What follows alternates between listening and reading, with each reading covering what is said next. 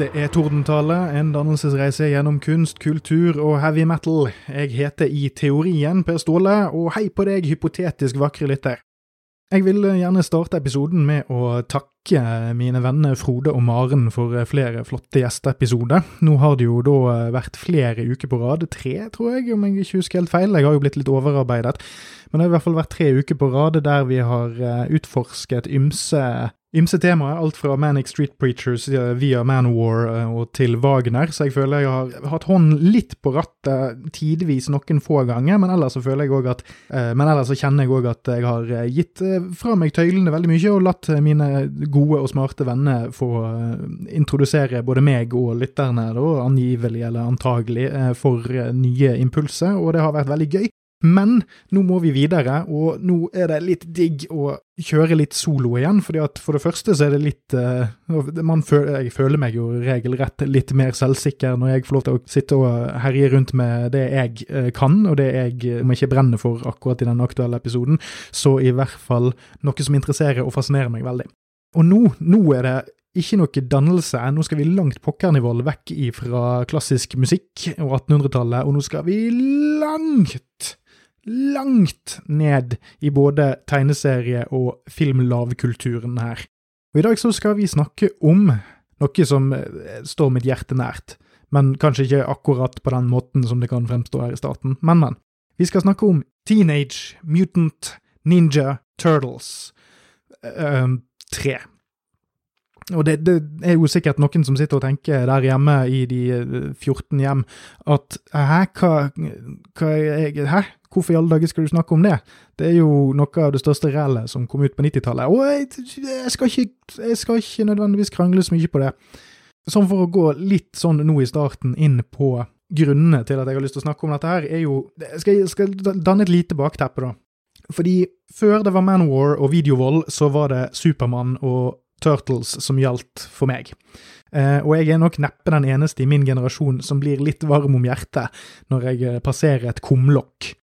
De av oss som vokste opp på stedet uten kumlokk, opplevde kanskje det å passere en på gaten i en by som en tilnærmet religiøs opplevelse. Fordi at det var Turtles var, noe, var gigantisk en, en, periode på slutten av 80-tallet og tidlig på 90-tallet, og det er vanskelig å beskrive for de som ikke var der, men det, er, det var en, en pussig, pussig, pussig tid å være i live, eh, der radioaktive skilpadder kunne karate, og kloakken var et magisk sted der du kunne dra på eventyr og møte masse rare forskjellige dyr og i ulike størrelser og med ulikt lynne og ulike kampsportbakgrunner, og kanskje de kom fra en fremmed dimensjon og brukte laserpistoler, kanskje de kom fra en annen planet, kanskje de kom fra Japan, det, liksom, det var ikke måte på hva som kunne foregå i dette magiske, illeluktende, illeluktende universet, og jeg må jo si at det, det, har, det har brakt meg stor skuffelse å se reportasje fra vann- og avløpsvesenet på uh, nyhetene i tide og utide. Det, det ser ikke det var, det var, ikke det jeg ble lovet eh, når jeg så på 1987-tegnefilmen. Og jeg, jeg, må bare si at jeg kommer til å si Turtles og ikke Turtles gjennom hele showet her, og det er fordi at man kan ikke fjerne 30 år med, med dårlig uttale sånn i en håndvending. Turtles blir det. Jeg endrer ikke atferd bare for å tilfredsstille eventuelle engelsklærere som sitter og hører på dette her. Men for å komme litt tilbake igjen til hvorfor akkurat Turtles 3, da. Vel, OK. Først så Altså, det, vi kommer litt tilbake igjen til det på slutten av episoden, men dagens tema knyttes løst til neste ukes tema. Jeg skal ikke spoile det før på slutten, kanskje, eh, men eh, jeg skal uansett gi en liten takk til min kompis Vegard, som kom på ideen. Som jeg har sagt tidligere, så hender det jo fra tid til annen at det kommer til å være en viss connection mellom, mellom dannelses- og lavkulturepisodene mine. Det er ikke en regel, men en gang iblant så skjer det, og denne og neste uke er ett av de tilfellene der. Så hvorfor akkurat Turtles 3? Dette er jo en film som har hengt ved meg unormalt lenge, til tross for at det er den desidert dårligste av det jeg vil kalle originaltrilogien av Turtles-filmer. Vi kommer litt tilbake igjen til hvor jeg ville plassert Turtles 3 i den, det totale bildet av Turtles-filmer. Eller i hvert fall de som er live action. Det er jo begynt å bli en del animerte filmer nå etter hvert, og da er det litt sånn vanskelig å definere hva som skal måles opp mot hverandre, da. Jeg holder nummer én og nummer to ekstremt mye høyere enn denne filmen. Turtles 1 er kanskje favorittfilmen min når det kommer til å være en film som på en måte fremdeles gir meg akkurat det jeg er ute etter, og aldri eh, miste gnisten eh, som eh, jeg føler at den hadde da jeg så han som barn, og har sett han kontinuerlig gjennom hele livet. Det kan jeg ikke nødvendigvis si om Turtles 2 eller 3, men Turtles 2 vil jeg for så vidt òg eh, si har, har, har tålt tidens tann med visse forbehold, altså at så fremt du tar de to filmene der for det de er, og de er ikke nødvendigvis det samme, eh, de er egentlig i vidt forskjellige kategorier eh, og nesten sjangre, og de er veldig ulike filmer, men de, de, vet hva de er. Og de gjør det de skal på en veldig kompetent måte, og, og, og med, med, litt sånn glimt i øyet, som funker under visse forutsetninger. Det er ikke tilfellet med Turtles 3. Men den har hengt ved meg unormalt lenge, som sagt. Og jeg kan sikkert nevne 100 andre nostalgitripper som jeg både foretrekker og anbefaler mye lettere og mye mer helhjertet enn Turtles 3. Og jeg ville aldri funnet på å si at den er bra, eller at den Altså, eh, men jeg tror det er nettopp alle disse motsetningene den har. Altså at den Det er visse ting som gjør at den har en vedvarende ikke, Om ikke appell, men at den, den har noen hooks som setter seg fast i hjernebarken, som gjør at du husker den på en, en merkelig måte. Det, og det er, vi, om det ikke kan kalles appell, så kan det kalles en slags staying power, eller det, er en utholdenhet denne filmen her har som jeg ikke helt klarer å, å, å sette fingeren på. Jeg har sett den litt for mange ganger. Jeg har eid den på mange forskjellige formater. Dette er det fjerde eller femte formatet jeg eier den på. En utrolig grell eh, Blu-ray-boks står foran meg as we speak, med utrolig grelle dyr på. Til tross for alt dette, så har altså filmen vært med meg i 25 år. 25? Det er snart 30 år. 28 år blir det. Og det er vel god nok grunn til å kikke litt nærmere på. Og så får vi se om jeg kommer til noe bedre konklusjon enn det til slutt. Jeg får jo for, for så vidt òg eh, kommentere raskt før jeg går videre, at, at jeg har merket at hver gang jeg beveger meg vekk fra heavy metal på disse lavkulturepisodene, og vekk fra Manowar, så tar jeg for meg filmer som jeg egentlig ikke ville sagt til favorittene mine. Altså Nå har jeg gått gjennom henholdsvis alle de fire kinofilmene med Highlander i Highlander-serien, og ingen av de er mine favoritter. De, de er, ville jeg sagt, langt under Turtles 3, som er ganske langt, langt nede på filmer jeg ville tatt med meg på en øde øy.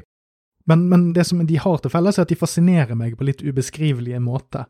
Eh, og så får jeg slå meg til ro, og det får dere òg slå dere til ro med, at rammene for dette podkastprosjektet er såpass rause at så lenge jeg brenner for det i en eller annen grad Altså, det trenger ikke være noe jeg brenner for som god kunst eller god kultur, eller noe sånt, men som noe pussig, noe litt rart som jeg har lyst til å se litt nærmere på, så tenker jeg at det holder. Da får vi komme oss litt i gang her, og da må jeg faktisk ta en kort gjennomgang av selve plottet. Og da har jeg en liten bibel foran meg her som skal hjelpe meg med å huske litt rekkefølge og sånn, så kan hende dere hører litt sånn blafring. Vi kommer litt tilbake til denne bibelen senere. Eh, men showet åpner med Japan i 15, la oss si eh, seint 1500-tall. Der ser vi da en, en ung mann som blir jaget gjennom skogen av fire samuraier. Starten på denne filmen her føles veldig det føles som om det har blitt hentet rett ifra en, en japansk film med tilsvarende tematikk, som vi nå skal komme litt tilbake til. Men hva er greien? Hvorfor blir denne gutten eh, jagd rundt av fire samuraier? Ja, det viser seg at han her er da sønnen til den lokale daimyoen. Nå får bare alle anime-fans og sånn bare roe seg ned. Jeg kommer til å uttale dette sånn som jeg kan uttale det. Jeg gidder ikke å ta et jævla japansk kurs for å drive det som i beste fall kan kalles en unødvendig podkast. En daimyo er det samme som en krigsherre fra samuraiveldet, eller hva du skal kalle det, i Japan. Jeg er ikke noe ekspert på denne typen historie. Det som er greien, i hvert fall, er at det er en krig mellom bøndene og daimyoen sin hær. Eh, vi får aldri vite hva denne, hva denne, konflikten kommer fra, men jeg, kan, jeg regner bare med at det handler om at daimyoen har lyst til å kontrollere lokalbefolkningen. Sønnen hans har slått seg sammen med eh, opprørerne. Det viser seg senere at han òg er forelsket i opprørernes leder, som da er en, en, jente med pil og bue som heter Mitsu. Han har uansett vanæret sin far ved å gjøre dette her, så han blir brakt inn til daimyoen sitt slott, der vi òg møter en våpenhandler som heter Walker, som er egentlig filmen sin hovedskurk. Han er en britisk eh, våpenselger. Han, selger, han, han, prøver å selge våpen, eh, gevær og kanoner til daimyoen, men daimyoen tror at han egentlig ikke trenger eh, skytevåpen for å vinne denne krigen. Så der har vi da satt opp egentlig en, en konflikt som man som seer sitter igjen og tenker ja, hva i helvete har dette med Turtles å gjøre? På noen måter så kunne man tenkt seg at man kunne knyttet det til Turtles-historikken eh, på ulike måter med å trekke inn ulike aspekter med ja, fotklanen og den typen ting, for de av dere som er feinschmakere på dette her. Jeg har forresten glemt å ta høyde for at det kan hende at det er noen som ikke vet hva Turtles er for noe, men med tanke på at det har vært tre animerte serier på 30 år, så burde det være et greit nok grunnlag eh, aldersmessig og aldersspennmessig der ute blant dere til å i hvert fall ha en viss kunnskap om dette her. Jeg kan for så vidt si at det er fire skilpadder som kan karate, og de er lært opp av en rotte som er veldig god i karate, og uh, så har de slåss mot en fyr som heter Shredder. Og utover det, med en gang jeg skal prøve å forklare noe mer enn det uh, av plottet til Ninja Turtles generelt, så blir det bare verre og verre og verre, og vi kommer til å rote oss langt ut i eteren, og så Så det gidder vi ikke. Uansett så tar da Kenshin, som da er Daimyoen sin sønn, og stormer av gårde inn i slottet etter en konfrontasjon ute i borggården med sin far. Der finner han, uh, inne i liksom den religiøse delen av uh, slottet, med noen munker og noen prester og sånn, så finner han et gammelt septer og en rull med det som ser til forveksling ut som ninjaskilpadde på. Det, skal vise seg senere at daimyoen daimioen sine forfedre har blitt, eh, tidligere blitt beseiret eh, i kamp av noe som kalles kappa, som da er japanske demoner. Disse ser jo da ut som ninjaskilpaddene. Og Dette septeret viser seg da å være en tidsmaskin. Så Kenshin plukker opp dette septeret og leser opp det som står der, og så blir han transportert inn i fremtiden. Det som skjer på den andre siden av fremtiden, nå må vi huske, dette er en tidsreisefilm. Vi må ikke huske vi må faktisk uh, få det med oss nå. Dette er en tidsreisefilm. Og tidsreisefilmer opererer jo etter lover og regler som igjen kommer til å gjøre oss cross-eyed. Så vi må bare etablere et visst grunnstadium her, uh, visse grunnregler. Plottet foregår parallelt. Det betyr altså at fra og med Kenshin reise i tid, så teller vi dager både i 1993, når filmen foregår, og i 15... 1603, fra de reiser i tid, så foregår det i samtid. Altså at helt til noen reiser tilbake til der de kom fra i utgangspunktet, så går det like mange dager i begge tidene. Det høres verre ut enn det det er, men uh, alt blir komplisert når det har med tidsreise å gjøre. Vi kommer til skilpaddene sitt hjem i 1993, som ikke er akkurat en kloakk, det er en eh, forlatt T-banestasjon. Det kommer fra den andre filmen, så det er en uh, det, det, er en viss kontinuitet her, men de refererer egentlig ikke til noe som har skjedd før uh, Turtles 3. Det som viser seg da, er at April O'Neill, som er uh, en av vennene til skilpaddene, har vært på loppemarked og kjøpt litt skitt til skilpaddene og Splinter, som da er rotten som har lært i karate. Blant annet det hun har kjøpt til Splinter, er et gammelt japansk septer, som er akkurat det samme septeret som Kenshin nettopp, i hermetegn, leste opp en magisk inskripsjon fra eller på, eller whatever. Og så bytter de da plass så da blir April sendt tilbake igjen til 1603, mens Kenshin kommer til 1993. Så plottet blir da skilpaddene må dra tilbake igjen i tid for å redde April, og de har 60 timer på seg eller noe sånt, fra April dro tilbake igjen. Oppi dette her så henter de inn forsterkninger. Uh, Casey Jones, den kuleste figuren fra Turtles 1 dukker opp igjen. Han skal da eh, bli igjen eh, med Splinter i 1993 og passe på at hvem enn som skilpaddene bytter plass med fra 1603, ikke går amok i New York. Når skilpaddene reiser tilbake igjen i tid, så blir de byttet ut med æresvaktene til daimioen, som da betyr at de eh, blir transportert tilbake igjen i tid, og de får på seg samuraikostymene til liksom, de viktigste krigerne til daimioen, mens disse fire krigerne blir sendt fram igjen eh, til 1993 uten annet enn veldig spekulativt japansk undertøy på seg og sverdene sine. Det er en litt sånn iffy hvor tett inntil kroppen ting må være for å bli transportert tilbake igjen i, og fram i tid her, men skilpaddene har i hvert fall på seg både maskene og altså det lille de har av klær og utstyr som som eh, folk kjenner fra tegneserien og filmen og sånt, blir transportert med. Men eh, og her begynner det da å bli enda mer komplisert igjen, fordi at de blir transportert tilbake igjen midt i et slag. Og så mister de Michelangelo, som er han mest masete tullingen av de alle. Så da må de tre gjenværende skilpaddene, Leonardo, Rafael og Donatello, leite etter både April og Michelangelo. Og så har de òg mistet septeret, så da har de mange ulike ting de er nødt til å eh, løse for å komme seg hjem igjen. Men gjennom en serie med forviklinger, så siden de er utkledd som uh, æresvaktene til Daimyoen, så får de da sneke seg inn i slottet og finne ut hvor April blir da holdt fanget.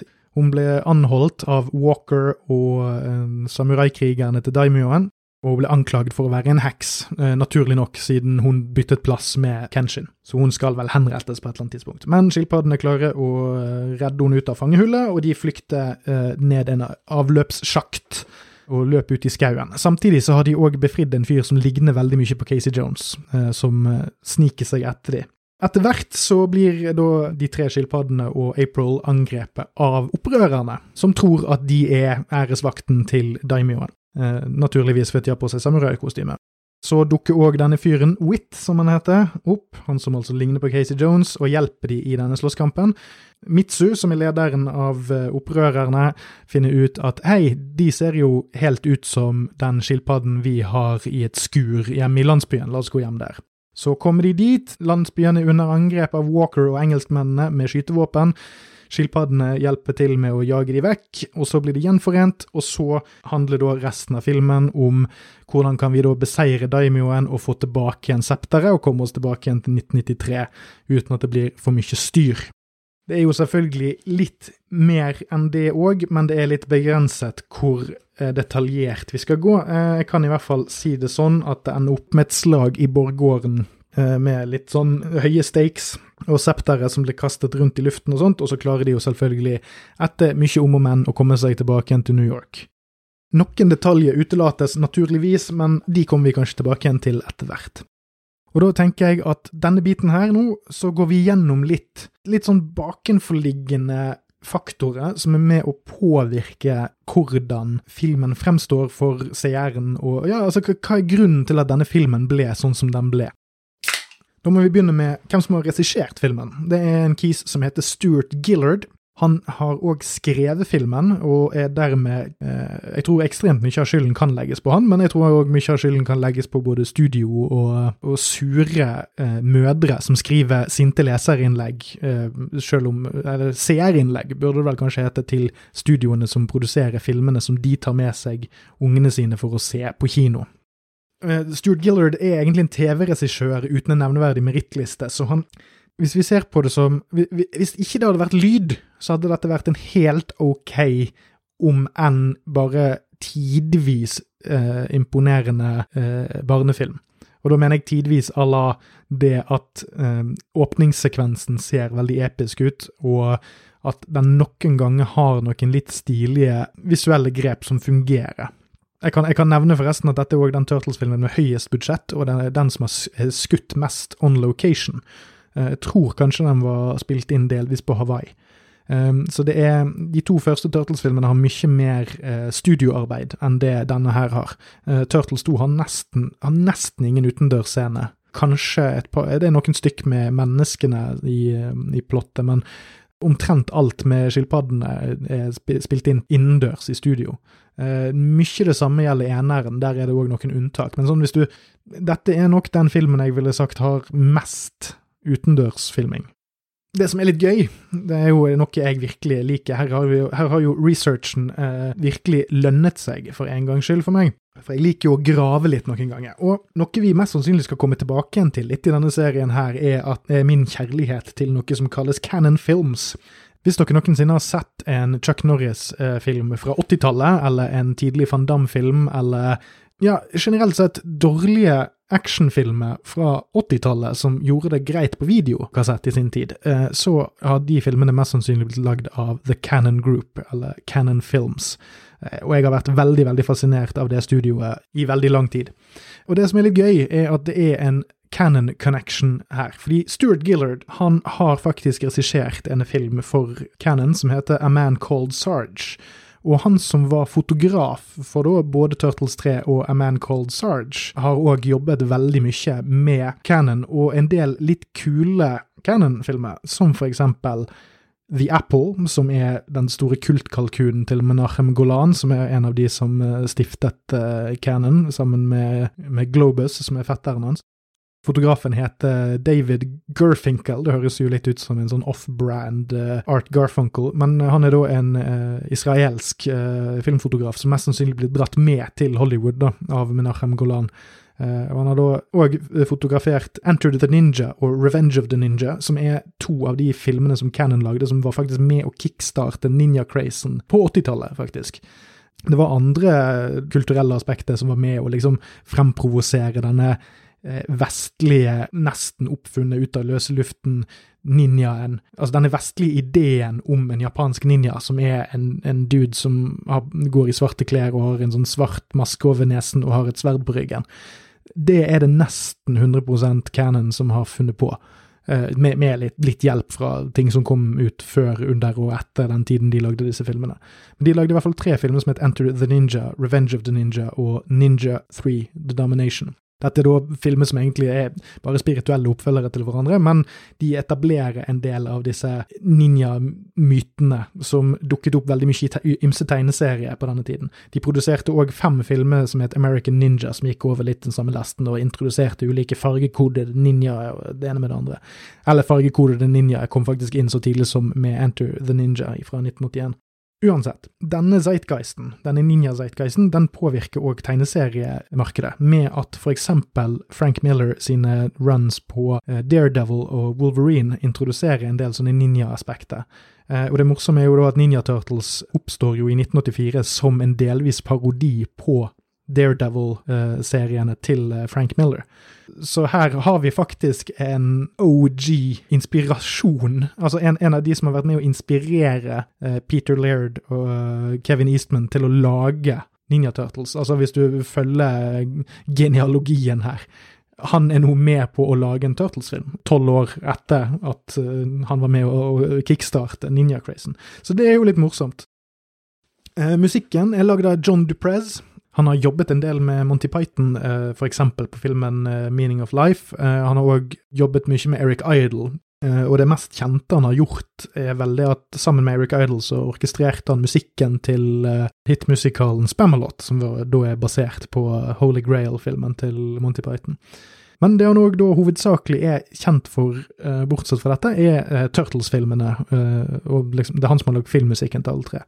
Jeg vil si at soundtracket til Turtles 1 er et av de kuleste filmsoundtrackene jeg vet om. Det er en veldig, veldig kul sånn klassisk sånn seint 80-, tidlig 90-talls elektronika-score, som på en måte har tålt tidens tann på en veldig datert måte, men eh, dere skjønner hva jeg mener. Bruk av litt sånn heavy metal-gitar og litt sånn chugging.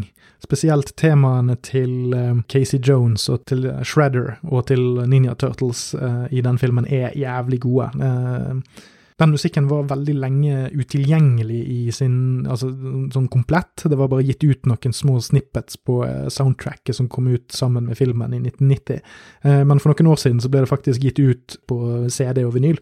Eh, og jeg eier faktisk den, og det er et av de beste albumene, altså yndlingsalbumene jeg eier han fyren her er faktisk en veldig undervurdert eh, komponist, syns jeg. Han er veldig god på å fange stemning på, på, på en, en ikke-komplisert måte. Veldig mye sånn fi, fine små strykere når det passer, elektronisk eh, hipp eh, temamusikk når det passer, og noen ganger er han veldig god på veldig truende atmosfære. Det er akkurat passende liksom, eh, trusselnivå i lydbildet for en barnefilm. Det, det, som er litt trist, er at uh, han hadde et uh, originaltema for uh, skilpaddene. liksom sånn actiontema, da, som ble brukt i starten og underveis i de to forrige filmene. Og det dukker ikke opp i denne her. Den blir dessverre erstattet med Can't Stop Rockin' av ZZ Top, som for øvrig passer jævlig godt til en sånn treningssekvens med skilpaddene helt på starten av filmen. Det er ikke det, men den er sårt savnet, for det er noe med denne æraen av barneunderholdning. Der skal man liksom liksom ha en sånn eh, Ja, en, en god gammeldags fighting-sang. Altså noe som kan spille i bakgrunnen og få folk pumped når det er litt sånn eh, eh, slåssing og herjing, og det, det er sårt savnet her. Men jeg, jeg syns han gjør en veldig god figur på dette soundtracket. Han henter inn noen eh, motiver fra de forrige filmene, og så introduserer han, eh, introduserer han noen uh, tema for eh, disse her eh, opprørerne som skilpaddene treffer, og så fletter han det litt inn med, med, med gamle temaer. En ganske god sånn trommebasert atmosfæresoundtrack han legger for skurkene. Men det er ikke like episk som i eneren, og ikke like artig som det er i toeren, dessverre. Det kan kanskje skyldes litt forskjellige ting. Eh, litt trist. Men så, nå begynner vi å nærme oss det som er litt av problemet her.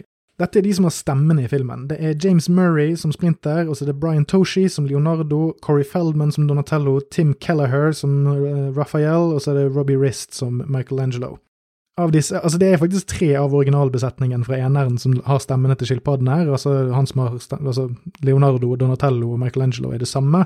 Rafael har blitt byttet ut i alle tre filmene. Eh, er ny en hver gang som har stemmen. Og Corey Feldman var med i eneren og treeren.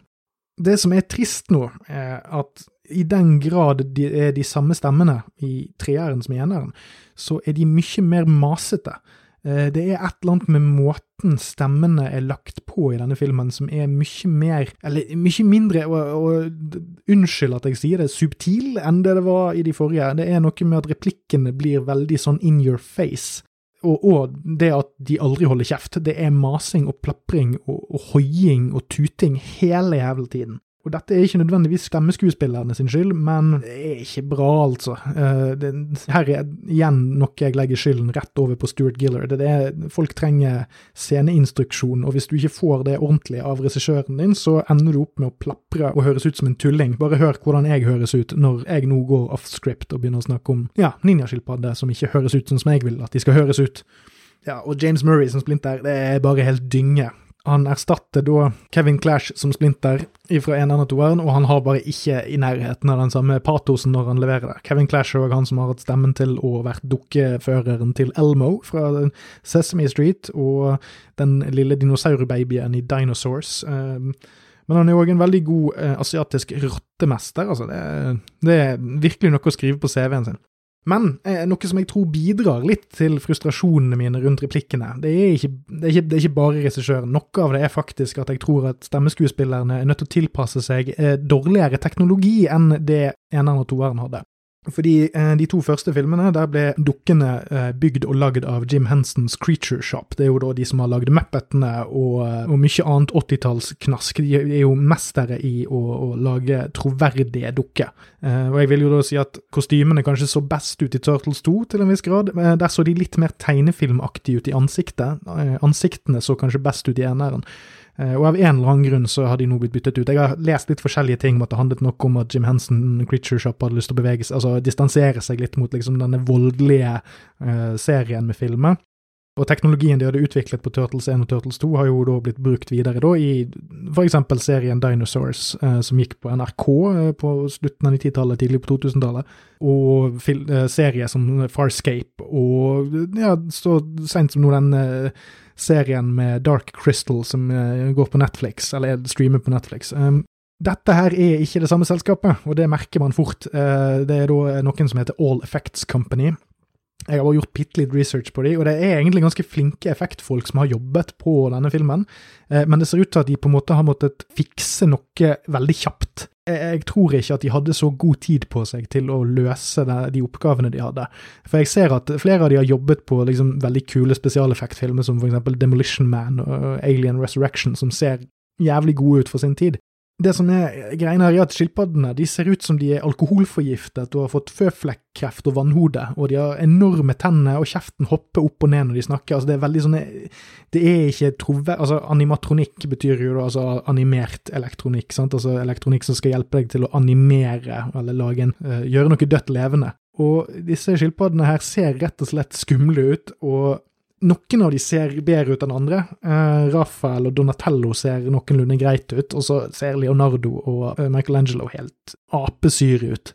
Så jeg tror at det er, sånn, det er, to faktorer som gjør at eh, det er mye plapring og masing blant skuespillerne. Det er det at nå må skuespillerne plutselig matche mye dårligere teknikk fra spesialeffektmakerne sin side enn de måtte i de to forrige filmene. Og så i tillegg med dårlig regi fra han TV-duden som står bak kamera mistenker jeg. Og, og, i tillegg, jeg tror det òg er veldig mye improvisasjon. Det er flere ganger du ser at uh, munnene deres ikke beveger seg i sånne offshoots der sånn litt sånn langt vekke fra kameraet, der du ser at uh, de, de, tror at de har sagt noe morsomt i studio, og så har, har, de bare tatt det med i filmen. Og så ser det bare helt, ser det helt jævlig ut, og så uh, blir du bare irritert over at de aldri holder kjeft, og de snakker mye mer animert òg. Altså det er mer, er høy, mer høylytte stemme som er direkte plagsomt. Av skuespillerne som er med, så vil jeg først fremheve Elias Coteas. Jeg bare uttaler det sånn, jeg. Uh, han er en uh, karakterskuespiller som har dukket opp Du har garantert sett han i noe, men du husker han kanskje ikke. Han er bare en veldig kul sånn Kom inn og gjør en litt sånn interessant rolle, og så forsvinner han ut i natten-type skuespiller. Sånn, sånn fyr som bare har, har, jobbet i 40 år, og så har du ikke og har vært med i veldig mye, men har ikke hatt, han har ikke hatt noen sånne leading man-rolle eller sånt.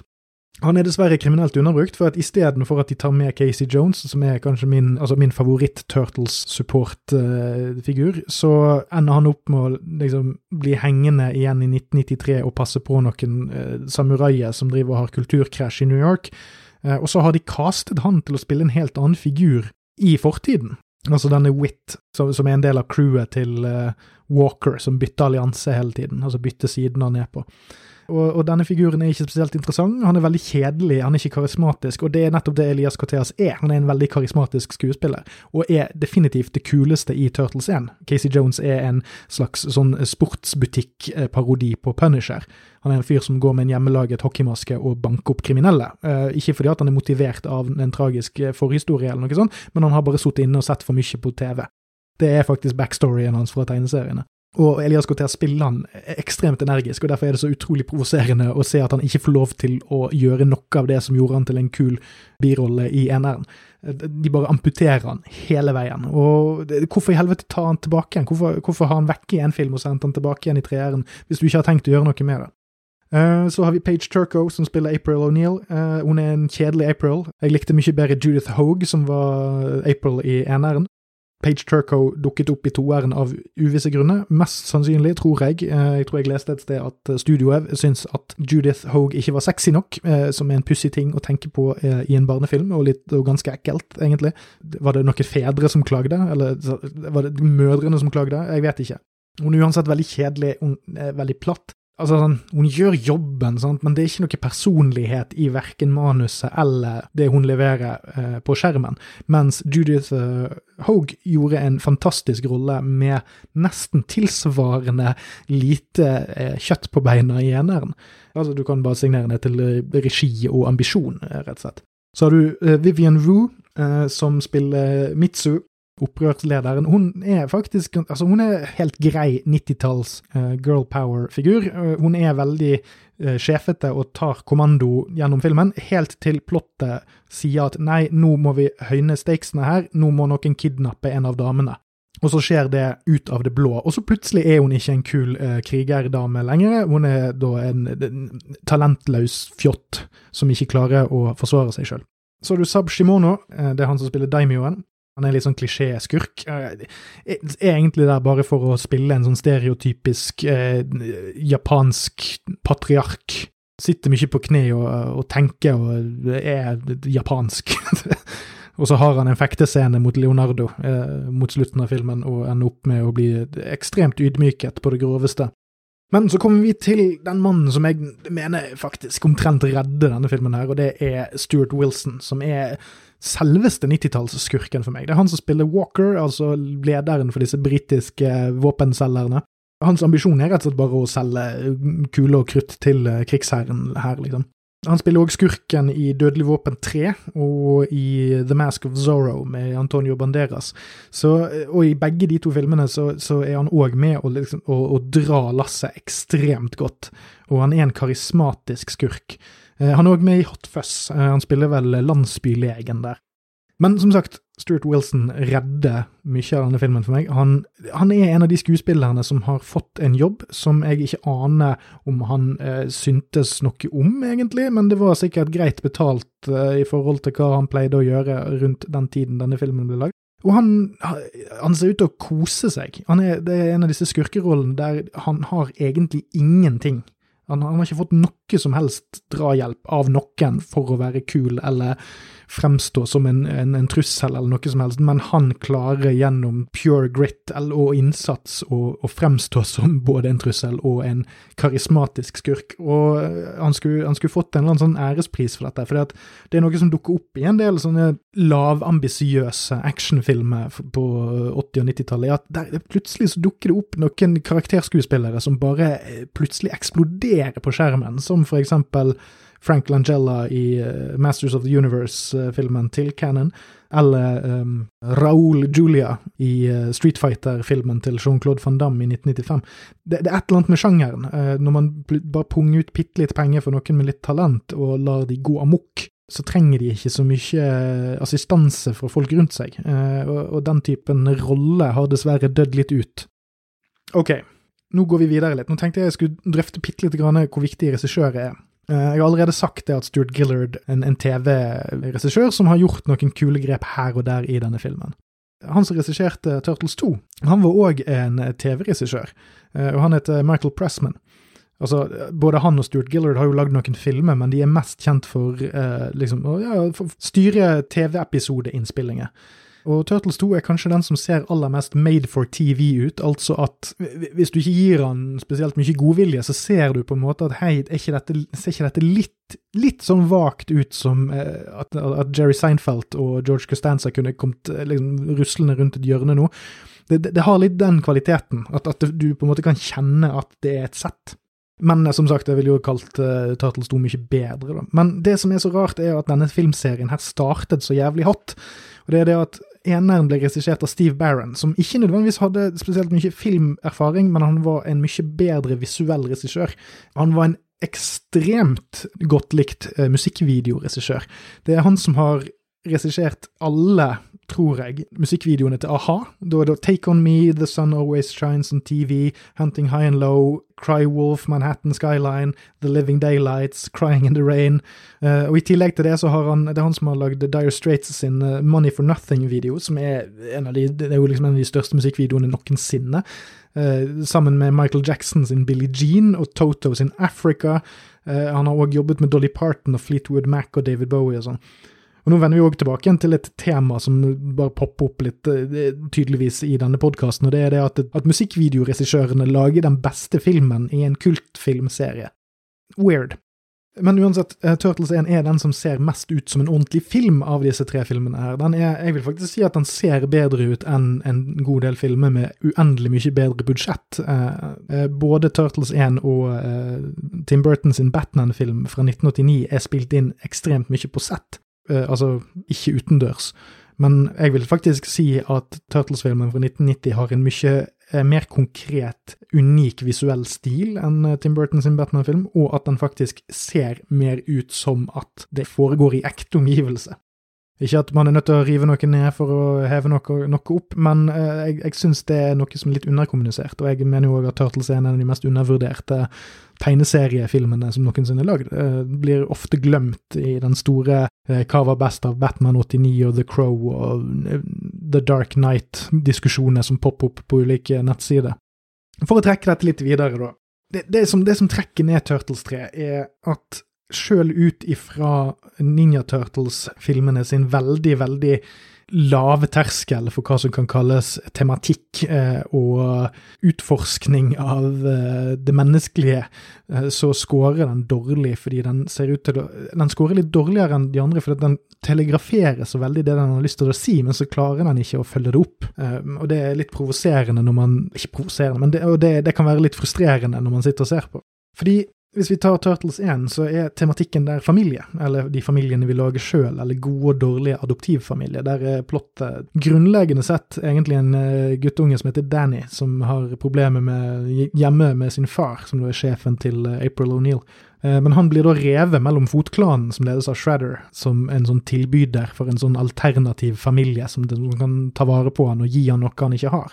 Som da er da liksom den mishandlende delen, og så har du den adoptivfamilien som ninjaskilpaddene og Splinter uh, utgjør, som en mye sunnere og friskere alternativ. Og nå må vi jo da huske da at vi lever da i vi er da i et univers som stort sett løser alle problemer med å sparke det i trynet. Så det er jo under visse forutsetninger og visse begrensninger her.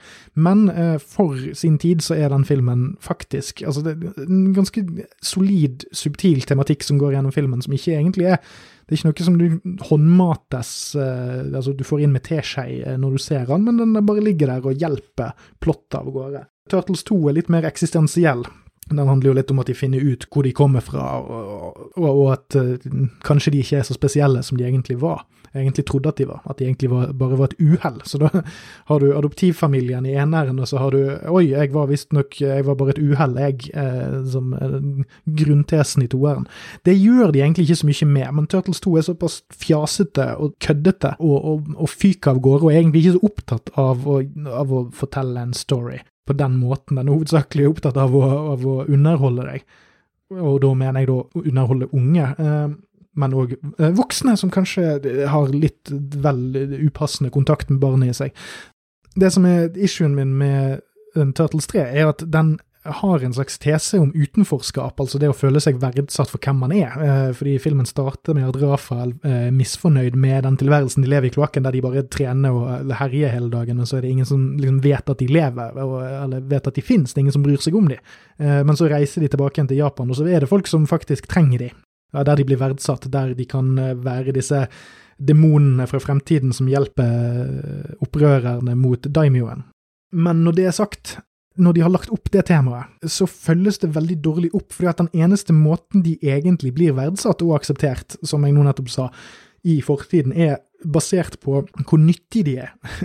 altså, hvis du hadde kommet eh, fire skilpadder fra fremtiden som ikke kunne en dritt, som bare gikk og soste rundt ute i skauen, så hadde jo ingen, og, og, og spiste kviste, så hadde jo ingen verdsatt de i fortidens Japan heller. Det som filmen legger fram, er at de er veldig veldig verdifulle som nettopp eh, skrekkinngytende demoner som skal hjelpe dem med å, å, å slå daimyoen.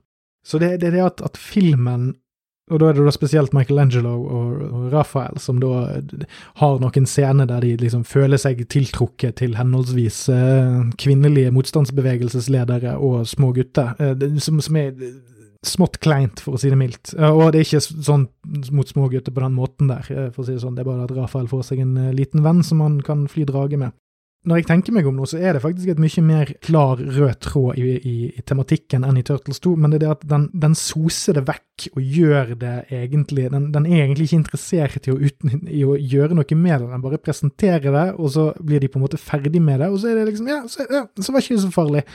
Uh, og igjen, kanskje det er jeg som overtenker dette her, men igjen, uh, når start, denne serien har startet såpass sterkt som den har gjort, Eh, så er det at eh, man legger opp til et større ambisjonsnivå enn det du klarer å gjennomføre, et veldig stort problem når du helt tydelig eh, har sett allerede i Turtles 2 at så lenge ambisjonsnivået er lavere, og du faktisk har det gøy og har et visst energinivå i det du driver med, så, så kan, du, kan, du, redde deg i land på den måten. Det er et høyt ambisjonsnivå her. De har flydd til Hawaii for å filme, de har bygd store sett, de har bygd landsbyer, de har bygd masse, de har lagd masse fancy kostymer som nesten ser ut som de kunne blitt brukt uh, i en samuraifilm, uh, hvis du myser, uh, men så, så bruker de det ikke til noe. Det er sånn det virker som om de har så lyst, men så blir det, blir det trukket ned av dårlige effekter på skilpaddekostymene, og at eh, de ikke helt vet hva de vil gjøre med det. Og så i tillegg en ekstra ting som irriterer meg grønn. ja, de har begynt å legge inn Nå husker jeg ikke hvor mye de gjorde det i Turtles 1 og 2, men de har begynt å legge inn ekstremt mye sånne tegnefilmlyder når de slåss. altså Masse sånn klovnenese-trompetlyder og, og symbalkrasj og choing og boing og sånt, eh, for å dempe hvor voldelig den er. Og, og det, er, det, er, slitsomt, og det er ikke det aller verste eksempelet på det i Turtles-historien. Sånn sett, det aller verste er et par år seinere, i 98 når eh, serien The Next Mutation kom ut. Det er det hesligste jeg har sett av Ninja Turtles-messig. Der er det 26 episoder eller noe sånt. Live action Power Rangers spin-off-aktig Turtles-serie. Jeg har klart å se fem episoder, og jeg skal faen aldri se ett jævla minutt til. Det er det mest irriterende jeg har sett i hele mitt syndige liv. Men hva er det jeg liker med han? Sånn, sånn når jeg satt nå og, og så han igjen for n-te gang før jeg startet opp her, så er det, det er en eller annen slags Og det kan godt hende at det er ja, at det er nostalgi fra min side, men det er, den filmen her har sekvenser som funker, og noen ganger så er det vitser som funker. Noen ganger så har de klart å gjenskape bitte litt av den, det som gjør eneren og toeren ganske gode. Så det, det, er akkurat nok rester av en slags kontinuitet her, av, av dette filmuniverset men du blir til stadighet eh, påminnet at ting ikke er like bra som det var. Eh, så, så jeg, jeg, mistenker at, at, delvis det jeg liker med han, er at den gir mer av det samme, men fra en annen vinkel, og det respekterer jeg han for. Altså nettopp dette at de skifter locations. Det er ikke lenger i New York, nå er det i open spaces i Japan. og ja, sånn Mye finere omgivelser. Eh, og så må jeg òg nevne at uh, Turtles-kostymene tar seg mye bedre ut i dagslys enn de gjør under uh, studiolys. Så de ser helt grønnjævlige ut tidlig i filmen, og med en gang de kommer ut i, i, under dagslys i, i Japan-seksjonen, så ser de ikke helt så grusomme ut. De tåler ikke close-ups for fem flate øre men på litt avstand, når du myser, så tar det seg greit ut. Sånn avslutningsvis så har jeg veldig lyst til å trekke inn noen greier. Det er nemlig Jeg er såpass gammel at jeg har tatt vare på en del eh, tidlig 90-talls Turtles-tegneserier som blir gitt ut på norsk. Eh, og et av de er faktisk Teenage Mutant Hero Turtles, som var det de het i, i Europa på den tiden, fordi at ordet ninja var for voldelig. Um, Teenage Mutant Hero Turtles 3 Eh, sommeralbum, eh, som rett og slett bare er en, en tegneserieversjon av filmen. Som var det som eh, man pleide å gi ut på den tiden når man ikke nødvendigvis visste om ja, Jeg tror ikke denne ble satt opp på kino i Norge, f.eks., så da, hei, da må jo kidsa få ha noe å lese på helt fram til den blir gitt ut på videokassett. Det som uansett er, så Dette var egentlig mitt første møte med det, var en, en tegneserieversjon som på mange vis yter materialet på noen måte mer rettferdighet, fordi at her har de egentlig bare tolket plottet ut ifra et manus og kanskje noen stillbilder. Så det er noen sekvenser f.eks. på slutten der skilpadden er nødt til å kaste seg utfor en, ut en, en side av borgen for å fange dette tidsreisesepteret som noen har kastet uh, ut i luften. Og da må de lage en sånn skilpaddelenke der, der de er liksom i fritt fall utfor denne veggen som ser veldig episk ut. Også i filmen så er det bare det at en av de nesten vrikker en tå på en kant, mens tre, de tre andre holder den igjen. Det er en litt antiklimatisk noen sekvenser her når man har lest det fremfor å ha sett filmen. Eh, men så er det lider han òg under et, eh, en sidetallsbegrensning som gjør at eh, mye av storyen blir enda mer komprimert. Så når jeg leste denne da i forkant av å se filmen, så tror jeg kanskje jeg ble litt sånn positivt overrasket over hvor mye tid filmen tok seg til enkelte scener, for dette blir veldig anmasende med veldig masse plottpoenger som skal skvises inn på én side. Den er lagd av Dean Claraine og Chris Allen, er de som har adoptert uh, serien. Uh, Chris Allen han tegnet mye av Archie-serien, som er det, det Turtles-bladet i Norge var basert på. Altså, det var uh, det var samme studioet som lagde originaltegneseriene til Turtles, som utviklet det. Eh, men det var basert på tegnefilmserien istedenfor originalseriene. Og Dean Clarain det var pennenavnet til en fyr som, het Steven, eller som heter Stephen Murphy, som var en av underredaktørene i Mirage, uh, og en slags sånn creative director. Um, så det, det, som var litt gøy for meg som barn, og nå, er egentlig det at jeg, jeg kjenner denne stilen veldig godt, for jeg leste mye av disse seriene på den tiden. Og det var, det var et sånn fint sånn møte mellom, mellom to universer, for min del. Uh, at i hvert fall på den tiden, for det var, så, det var så lite materiale tilgjengelig. Eh, det, var, det, gikk liksom årevis mellom du fikk sett en Turtles-film på den tiden, fordi det var det var ikke bare bare å få sett ting, du måtte vente til det kom på TV, eller at du gikk forbi det i en videobutikk og kunne leie det. Jeg vet ikke helt hvorfor jeg, jeg, begynte å bla i disse bladene i utgangspunktet, men jeg er litt glad for at jeg gjorde det. For jeg, det, det, var liksom en, det, var en, var en måte å, å, å, se denne filmen med et barns ventende øyne en gang til som voksen, som var litt, litt bra, selv om det i bunn og grunn er ja, ikke noe som kanskje er det beste i universet. Ok, så en slags konklusjon, da.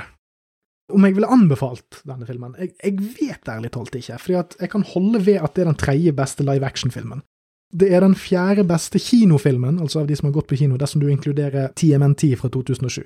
Den dataanimerte Turtles-filmen. Det er en bedre film enn denne, som jeg liker litt mindre enn Turtles 2, fordi at Sikkert litt nostalgiske grunner, men den har sine issues, den filmen, altså, men den er lagd med kjærlighet og er, ja, ja, har, har, respekt for liksom hele forhistorien til denne franchisen. Eh, filmene som kom ut på 2010-tallet, produsert av Michael Bay, de gjelder nesten ikke for meg, og de er definitivt mer masete og plagsomme enn denne. Turtles 3 vet i hvert fall hva publikum eh, de prøver å appellere til. Eh, Michael Bay Turtles-filmene er ekstremt in your face og respekterer ikke engang ungene eh, som angivelig skal være publikummet. Si hva du vil om de originale Turtles-filmene, men jeg føler at de har en viss respekt for små unge sin intelligens. Eh, og det høres litt rart ut, for det er ikke de smarteste filmene i universet. Eh, men det er, det er noe litt sånn stygt med Michael Bay-filmene.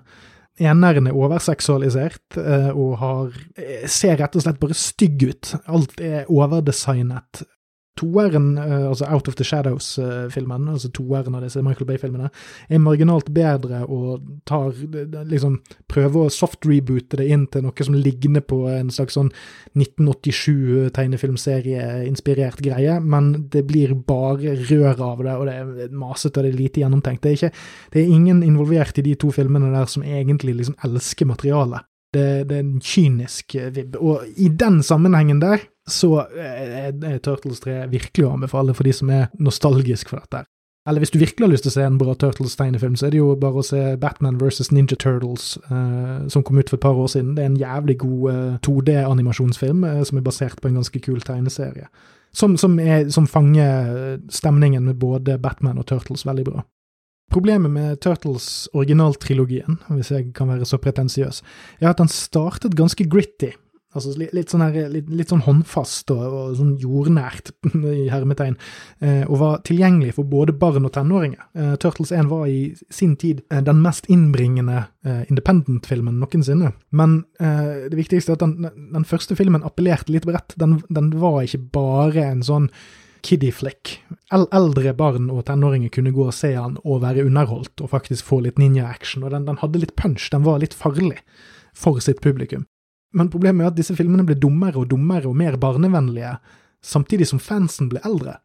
Altså, Turtles 2 kom ut under et år etter Turtles 1, så den, den reddet seg litt inn med det, men den tjente òg bare halvparten så mye cash. sant? Så det, Allerede der har du en sjuke som har satt inn, og den filmen er mye mer barnevennlig. Du ser at de har tatt konsekvensen av at folk klagde på at den første filmen var eh, for voldelig, men den redder seg inn med å faktisk bare være veldig positiv og, og, og gøy. Altså litt sånn Føles rett og slett som en god episode av tegnefilmserien.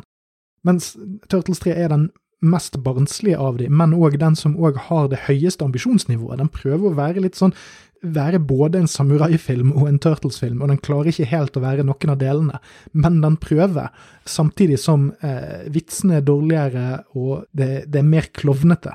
Eh, og da, har ikke du på en måte vokst sammen, eller blitt eh, liksom modnet deg sammen med eh, publikummet ditt. Og det syns jeg er trist. Eh, Harry Potter-serien klarte Jeg liker egentlig ingen av de filmene etter nummer tre, men den klarte i hvert fall det kunststykket å alltid være like på en måte modnet som uh, hovedpublikummet sitt. Men som jeg har nevnt tidligere, det er at den funker overraskende godt til tide, og plottet er overraskende komplisert med tanke på nivået som ellers uh, dukker opp her. Du blir ikke nevneverdig holdt i hånden heller på denne maktkampen mellom denne eh, krigsherren og, og dette kjærlighetsdramaet med sønnen hans og, og datteren. Det er relativt innfløkt for ja, en barnefilm. Og at, som sagt tidligere, actionsekvensen er overraskende godt eh, koreografert, men dessverre så er det filmet flatt og uenergisk, og det er for få av de. Og at skilpaddene kunne godt holdt mer kjeft, som jeg har sagt tidligere. Altså, jeg, jeg vil fortsatt ikke finne på å anbefale denne filmen helhjertet til hvem som helst. Men dersom du har små barn, eller vet veldig godt sjøl at ting som du likte som barn, ikke er perfekt, så passer den overraskende godt som en sånn hjernedød flukt tilbake igjen til en enklere tid, som sikkert en del folk trenger nå for tiden, men det er ikke noe mer utover det for min del, og det er det største forbeholdet jeg kan gi en film, omtrent. Det, det forutsetter at du blir glad av å se teite ting. Eh, som du ikke nødvendigvis kan si er bra, men som er teit på en adekvat måte for din egen del. Sånn avslutningsvis her så vil jeg si at jeg vet ikke helt om jeg klarte å dra ut noe mer av dette enn det jeg startet med, men jeg er litt glad for at jeg tenkte på det på den måten jeg gjorde. Som sagt, det er et eller annet som fascinerer med filmen, og jeg, i den grad jeg har tenkt noe nytt nå, så er det det at filmen har en veldig den går på trynet på en veldig unik måte, og det må jeg bare respektere, og jeg lurer på om det er derfor den har vært med meg så lenge. Det er en film som er så dårlig at det irriterer meg, men den er akkurat kompetent nok til at det fascinerer. Og det er jo i det minste noe, eh, nå når vi alle sammen holder på å kveles, sakte, men sikkert, av en verdensomspennende pandemi. Så skal jeg si, til neste, neste, uke så skal vi ha noe som er veldig likt uh, og veldig ulikt dette. Forhåpentligvis uh, mye mer likt på en måte og mye mer ulikt på en annen. Da skal vi slå to fluer i én smekk og gå gjennom både eh, noe Shakespeare og eh, noe klassisk regissørmateriale. Vi skal nemlig ta for oss Ran av Akira Kurosawa, som da er basert på King Lear, så vidt jeg har skjønt. Så i mellomtiden, da, så prøv å ikke kvele hverandre og de dere har kjær for mye. Chill out, peace out, ha en god afton.